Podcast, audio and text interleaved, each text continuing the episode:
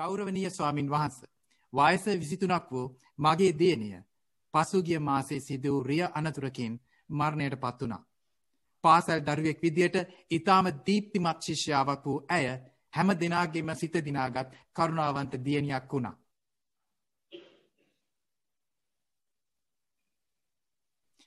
අවසාන කාලේ ඇය බාධාරණට ගතා. ඇගේ මරණය අපට ඇති කළේ වචනයෙන් කිව නොහැකි කම්පනයක්. දුව සුගතියක ඉපද සිටිනවාද යන්න නිතර මගේ හිතට එනවා. ඇය මතක් නොවෙන වේලාවක් නැති තරම්. මම මගේ හිත හදාගන්නා විදියක් මට මගේ හිත හදාගන්නා විදියක් මට කරුණාවෙන් පහදා දෙන්න ස්වාමින් වහන්ස. මේමයි මත බුදුරජාණන් වහන්සේ හිත හදාගන්නවා කියෙන දුකෙන් දුකතුනී කරගන්න විදියක් යහන්න නේද එහම දුකෙන් විදිය දුකතුනී කරගන්න විදියක් ඉතින් දුකතුනී කරගන්න සුන්දර මාර්ගයක් බුදුරජාණන් වහන්සේ දේශනා කළ තිනවන් මාත්‍ය තේන්න බුදුරජාණන් වහන්සේ සුන්දර මාර්ගයක් දේශනා කළ දෙන දුකෙන් මිදෙන්නේ. එනම් මේසා සුන්දර දුකෙන් මිදීමේ මාර්ගයක් දේශනා කළා තියෙද්දී අපි තාමත් දුක තුල නම් ජීවත් වෙන්නේ. ඒ කියන්නේ අපි මේ මාර්ගයේ ජීවිතයට එකතු කරගෙන නැහැ. තේරෙනවද? ඒ මාර්ගයේ ජීවිතයට එකතු කරගෙන නැහැ. ඉතින් මේ මාර්ගයේ ජීවිතයට එකතු කරගන්න ඉස්සෙල්ලා මම මුලින්ම කියවනේ කල්යාණ මිත්‍රාශ්‍රයේ සද්ධර්ම ශ්‍රවණයේ නුවණින් මෙනෙහි කරන්න ඕනේ කියලා මාත්‍ය. මේ තුනෙන් තොරව අපිට මාර්ගය මතු කරගන්න බැහැ. එතකොට කෙනෙක් ඉන්නවා යා කල්යාණ මිත්‍රාශ්‍රය ලබනවා සද්ධර්ම ශ්‍රවණය කරනවා නමුත් ඒ සද්ධර්මයෙන් නුවණින් මෙනෙහි කරන්නේ නැහැ. සද්ධර්මයේ නුවණින් මෙනෙහි නොකර එයා ආරෂ්ඨාංගික මාර්ගය තුල තියෙනවා. එයා සීලය ශක්තිමත් කරගන්නවා. එයා දන් දෙනවා. එයා මෛත්‍රී වඩනවා. නමුත් කොයි වෙලාවකවත් ධර්මයෙන් නුවණින් මෙනෙහි කරන්නේ නිසා කුමන ධර්මයක් වුණා සාර්ථක වෙන්න නම් මහත්යෝ ශ්‍රවණය කළා වූ ධර්මයෙන් නුවණින් මෙනෙහි කරන්න ඕනේ. තේරෙනවද? ධර්මය ශ්‍රවණය කළා ධර්මයෙන් නුවණින් මෙනෙහි කිරීමෙන් තොරව අපි දන් දුන්නත්, සීල් සමාදන් වුණත්, මෛත්‍රී වැඩුවත් ඒවා තුළින් අපි සැබෑ මාර්ගය ශක්තිපත් කරගන්න මාර්ගය දිසාවට අපි ජීවිතය යොමු කරගන්නේ නැහැ. ඒ නිසා ඒ අම්මා තමන්ගේ දියනිය වියෝගුණ නිසා දුක්වෙනවා මිසක් බුදුරජාණන් වහන්සේගේ දේශනා කලා උධර්මය මං හොදටිම දන්න ඒ අම්ම ශ්‍රවනය කරන කෙනෙක් නමුත් ඒ අම්මා ඒ ධර්මය නුවනින් මෙහි කරන්නේ නැහැ. එතකොට ඒ ධර්මය නුවනින් මෙනෙහි කරද්දී මොකක්දයා දකින්න මහත්තයෝ. අර මුගලන් මහෝත්තමයාණන් වහන්සේ ප්‍රාතිහාරය දක්වන ගෞරුවනීය රහතන් වහන්සේලා අතරින් අග්‍රස්ථානයට පත්විච රහතන් වහන්සේ. උන්වහන්සේ පිරිනිවන් පාන්‍ය මහත්තයෝ බොරු රැලක් උන්වහන්සේ අල්ලගෙන උන්වහන්සේගේ අතපය කුඩුවෙන්න්නම ගහන්. උන්වහන්සේගේ අතපය කැඩෙන්න්නම ගහනවා. ඒ කැඩෙන්න්නම ගහල තමයි උන්වහන්සේ උන්වහන්සේගේ අධ්‍යාත්මික ශක්තියෙන් ඒ විදුණු අතපා එකතු කරගෙන ලෝතුරා බුදුරජාණන් වහන්සේ ළඟට ඇවිල්ලා අවසරාරගෙන පිරිනිවන් පාන්න. එතොට මේ උතුම් රහතන් වහන්සේට සම්මා සම්බුද්ධ ශාසනයේ ඉහළම තැනකහිටිය මේ රහතන් වහන්සේට මේ ආකාරයෙන් සොරු ලැලක් පහර දෙද්දී පුතත්දෙන ස්වාමීන් වහන්සේ ළමකද කළේ බලවත් ආකාරයෙන් කලබල වුණා. එගොල නොසන්සුන් වුණා. ඒ ස්වාමීන් වහන්සේලා බුදුරජාණන් වහන්සේට ඇවිල්ල කෙනවා භාග්‍යවතුන් වහන්ස මේක හරිම අසාධාරණයක්. මුගලන් මහෝත්තමයාණන් වහන්සේට මෙහ විදියට පහරදීලා අපවත් කිරීම බලවත් අසාධාරණයක්. මේ අසාධාරණය වහාම රජතුමාට සැල කරලා මේවට දඩුවම් කරන්න කියලා. ඒ වෙලා බුදුරජාණන් වහන්සේ දේශනා කරනවා මහනෙන මේ තරම් සාධාරණයක් ලෝකෙ කොතනකවා මොකද ගැන්නේ මේ තරම් සාධාරණයක් ලෝකෙ කොතනකවත් තමන්ගේ ප්‍රධාන සාවකයන් වහන්සේ අතපය කුඩු කරලා අපවත් වෙන තැන්ට පත් කරද්දී ඒ ශාස්තෘන් වහන්සේ කියනවා මුගලන් මහරහතන් වහන්සේට සත පහකුවත් අසාධාරණයක් වෙලා ඔය මුගලන් මහරහතන් වහන්සේ සංසාරයේ තමන්ගේ අම්මා දෑ සන්ද අම්මා තාත්තාට මේ විදිහටම පහරදීලා බලවත් විනාසයක් කලා තෙනද බලවත් වූ පහරදීමකට එන දැන්ගේ පහරදීම සාධාරණද අසාධාරණද? සංස්කාරයන්ට අදාළව කොතනපත් අසාධාරණයක් නැහැ. අන දැන් ධර්මය නුවනින් මෙහි කරනවා ධර්මය නුවනින් මෙහි කරනට එයා දකිනවා දෙයනේ මේ එර්දි ප්‍රාතිහාරයාතින් ඉහළම තැනක හිටිය මේ රහතන් වහන්සේ මේ විදිහටයි පිරිනිවන් පාන. එතකොට රාහුල මහෝත්තමයාණන් වහන්සේ අවුරුදු පණහ වගේ වයස්කදී පිරිනිවී යනු. ඒ රාහුල මහෝත්තමයාණන් වහන්සේ පිරිනිවී අද්දි රාහුල මහෝත්තමයාණන් වහන්සේගේ පියාණන් වන බුදුරජාණන් වහන්සේ මෞතුමිය වෙන යසෝදරා උත්තමාවියක් ජීවතුන් අතරන්නවා. රාහුල මහෝත්තමයාණන් වහන්සේ බුදුරජාණන් වහන්සේ ඇවිලක්කින භාග්‍යවතුන් වහන්ස මට පිරිනිවන් පාන්න අවසර දෙන්න කිය. ඒ වෙලා භාග්‍යතුන් වහන්සේ අහන්නේ ඔබ පිරිනිවන් පානේ කොහෙද කියලා. මම තව්තිසාවේ දෙවියන් අතර පිරිනිවන් පානවා කියන. හොඳයි ඊට අවසරයි කියන. බුදුරජාණන් වහන්සේ කිව්වද රාහුල ඔබේ වයසතාම අවුරුදු පණහයි ඔබැයි මේ දැම පිරිනිවන් පාන්නේ අන්න ගීල ජීවක වෛද්‍යවරය හමුවෙන් ඔව් ඕනම ලෙඩක් සුව කරන කෙනෙක් ඒම කිව්වේ නෑ පින්වතුනි බුදුරජාණන් වහන්සේ දන්නවා මේ තමයි රාහුල මහෝත්තමයාණන් වහන්සේගේ සංස්කාරයන්ගේ ස්වභාවය. ඇයි අතීත අකුසල් සංස්කාරයන් විපාකෙට ආවා එනිසා මහත්තයෝ මේ සියල්ල අපි දැනගන්න කොහොමද. දැන් ලෝතුරා බුදුරජාණන් වහන්සේ අවස්ථාන කාලයේ බලවත් වූ උදරාබාධයකින් පීඩාවට පත් වුණා. එතොටේ උදරාබාධය ඇතිවුණේ පෙරස් අකුසල් සංස්කාරක විපාකයක් නිසාමයි කියලා බුදුරජාණන් වහන්සේ දේශනා කරන. චක්කුපාල මහෝත්තමයාණන් වහන්සේ උතුම් රහත් පලයට පත්වෙන්නේ දෑස් දෙක අන්ද කරගෙන. එනම් මහත්තයෝ මේ සංස්කාරයන්ගේ බියරුභාවය අපි දකින්න කොහොමද. සද්ධර්ම ස්ථවනය කරලා ඒ ස්වනය කලා වූ සද්ධර්මය නුවනින් මෙනෙහි කිරීමෙන් මයි මහත්ය. ඒනගේ මෑණියන්ගේ දුව වයස විසිකුණ වගේ කාලෙකදී අධ්‍යාපනය ලබන කාලකදී මහපාරක රියානුතරකින් ජීවිතක්ෂයට පත්වෙන මාත්‍යයෝ අනිවාර්යෙන්ම ඊට අදාළ සංස්කාරයන් තිබුණ නිසා. ඒක අයිමත් දසමයකවත් සැකයක් හිතන්න අවස්ථාවයක් නැහැ. ඒ මොහොතේ දියනියට පාරට යන්න සකස් වුණේ ඒ මොහොතේ රියදුරු මහත්‍යයාට අපරික්ෂා කාරිව රියෝ පදවන්න සිත සකස් වුණේ කුමක් නිසාද සංස්කාර පච්චයා විඤ්ඥාන කියන ධර්මතාවේ. අනේ දැන් මිය යන්න මේ ආකාරයෙන් මහපාරය අනතුරකෙන් මිය යෑමට අදාළ සංස්කාරයන් තියෙනවා අන්න දැනීම සකස් වෙනවා මේ මොහොතේමං පාර්ට යන්න ඕන කියල. එයා යනවා.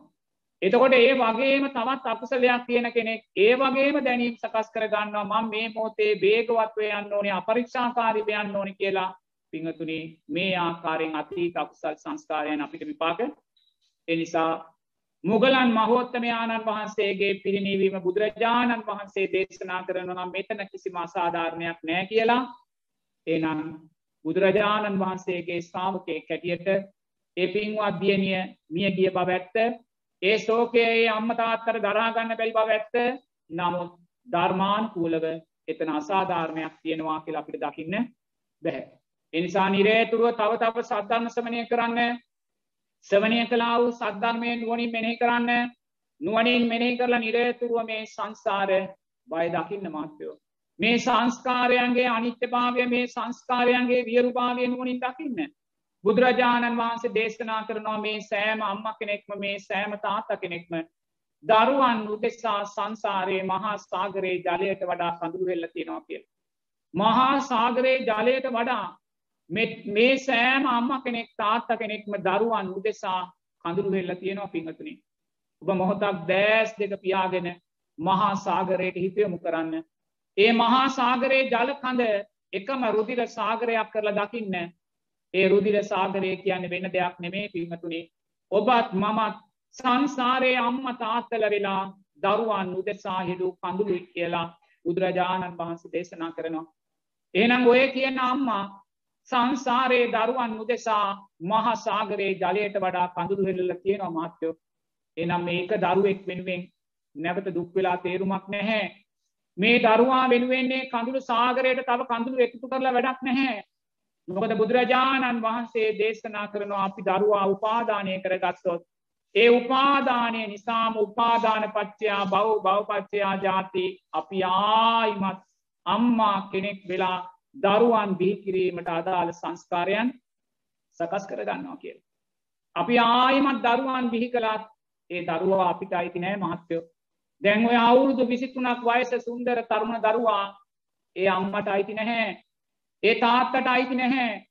ඒ සුන්දර දරුවා මරණාසන්න මොහොතේ බුදුගුණයක් සිහිපත් වෙලා අනේ කලා වූ කුසල් ධර්මයක් මතු වෙලා මව්කුසක ඉපදුනානම් දැන් අවුරුදු තුනාතරක දරුවෙක් වෙලා ඒ අම්මා තාත්තා ඒ දරුවා පෝෂණය කරනු ඇති.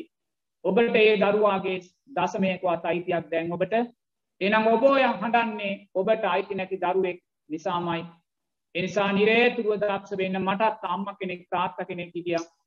ඒ අව මාව දසමාසයක් කුසේවාගෙන පෝෂණය කලා ලේටික කිරි කරලා මට පෙව්වා. නොවිදිනා දුකක් විඳලා ඒ අය මාව පෝෂණය කලා ඒසා අප්‍රමාණ දුක්වින්ඩත් ඒ අම්ම තාත්තට කවදාපත් මං පැවිදි වෙලා ඉන්නවා දකින්න පිනති පෙන්නෑ පිමතුනේ ඒ අම්මලා තාත්තලාට පැවිදි වෙලා ඉන්නවා දකින්න පින තිබෙන බලන්න සංස්කාරයෝ කොයිස්සා අසාධාරණද කියලා. මේ පංච උපාදානස්කන්ධ ලෝකය කොයිසා අසාධාරණද කියලා. මේ සංස්කාරයෝ ඒසා අසාධාරණව ඒ අම්මට තාත්තර සැලකුවා ඒ අම්ම තාත්ත මොකද කළේ ඒ අම්මා තාත්තා භවයේ ඈතින් ඈතට යන්න ගියා. මොකටද තවත් දරුවෝ අම්මල තාත්තල වෙලා තවත් දරුවන් ලෝකෙට බිහි කරන්න විහිකරපු දරුවා පැවිදි වෙලා ඉන්නවා දකින්න.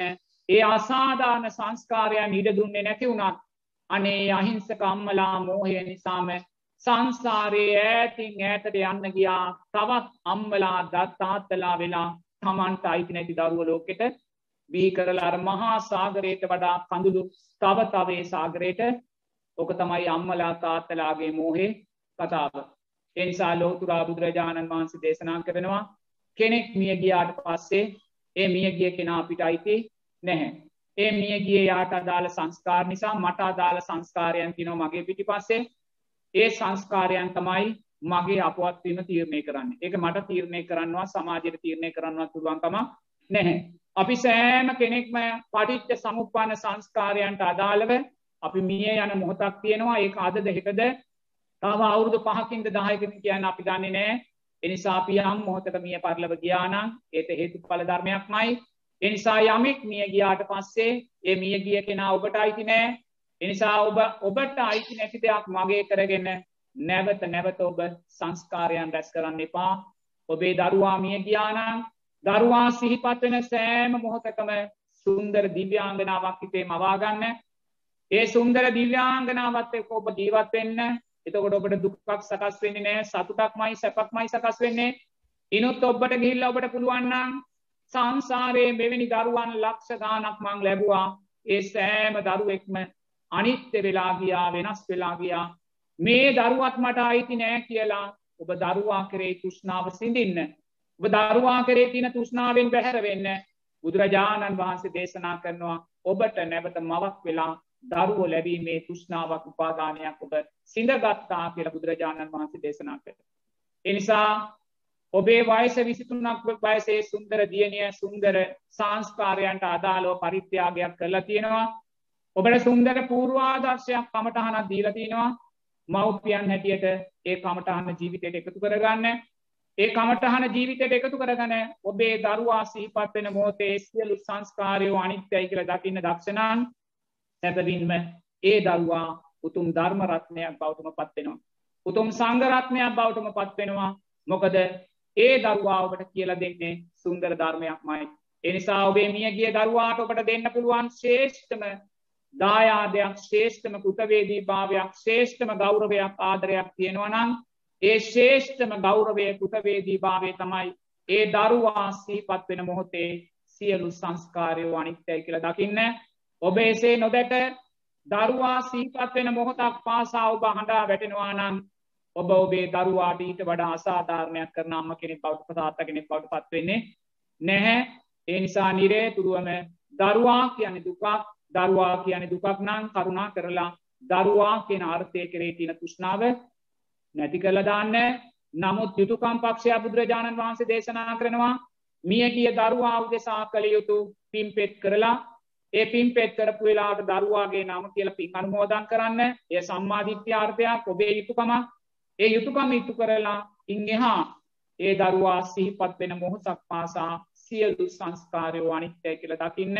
මහා සාගරයේ තියෙන ජල කඳ ඉහට නගාගන්න ධර්මයෝ ධර්මයෝ වඩත් කියලා බුදුරජාණන් වහන්සේ දේශනා කරනවා. අධර්මයෝ අධර්මයන් වඩත් කියලා බුදුරජාණන් වහන්සේ දේශනා කරනවා. ඔබ ඒ රූපය නිත්‍ය සංඥාවෙන් අරගෙන වැඩුවොත් ඔබ අධර්මයක් මයි වඩන්නේ එනිසා අධර්මයමයි ඔබ තුළ නැවතත් නැවතත් නැවතත් නැවතත් වැඩෙන. ඔබ මේ දුක්වෙන්නේ අධර්මය වඩපු නිසාමයි. මෝහෙන් රූපය මගේ කරගත්ත නිසාමයි. එනිසා මේ මොහොතේ පටන් ඔබට ඔබේ මිය ගිය දියනිය සුන්දර දිව්‍ය තලයේ ඉපදිලා ඔබට සුන්දර අලුත් අවුරුදු තෑග්ගා ගෙනල්ලා දෙනවා. ඔබේම හිතන්න ඔබේ සුන්දර දියණිය පටිච්ච සමුප්පන්නව දිව්‍ය තලයක ඉපදිලා මේ සුන්දර සිංහල අලුත් අවුරුදු මංගල්‍යයක් සිද්ධ වෙන වෙලාවේ ඔබට සුන්දර තෑග්ගක් අලුත් අවුරුදු තෑග්ගක් ගෙනත් දෙනවා. මොකක්ද ඒ අලුත් අවුරුදු තෑග්ග? අම්මේ ඔබට නැවතමාව සිහිපත් වෙනවා නම් කරුණාකර අම්මේ සියලු සංස්කාරයෝ අනිත්‍යයි කියලා දකින්න. ඔබ සියලු සංස්කාරයෝ අනිත්‍යයි කියලා දකිද්දී අම්මේ ඔබ සංසාරයක් පුරාවට දරුවන් උදෙසා හෙඩු මහා සාගරයකට වඩා කඳුළු සාගරය ඔබ මේ ජීවිතේදීම නිවා දැම්මා හිඳ දැම්මා කියලා ඒ දරුවයේ සුන්දර අලුත් අවුරුදු පණිවිඩේ සටහන් කරලා තියෙන්නේ. පෙරුවන් සරණයි. ජීවිතයට ඊටා වැදගත් කමටහනක් සහිතව ඊටා වැදගත් ධර්ම කරුණු රැසක් පවතින මෙම දහම් දේශනාව අන් අයටත් ශ්‍රවණය කිරීම පිණිස බෙදා හරින ලෙසටත් ධර්ම දාණය උතුම්ම දාණයයි යන්න සිත්හි තබාගෙන මෙම ධර්ම දේශනාව සහිත මෙම channelය subscribe කරන ලෙසටත් ඔබගෙන් ඉල්ලා සිටිමි.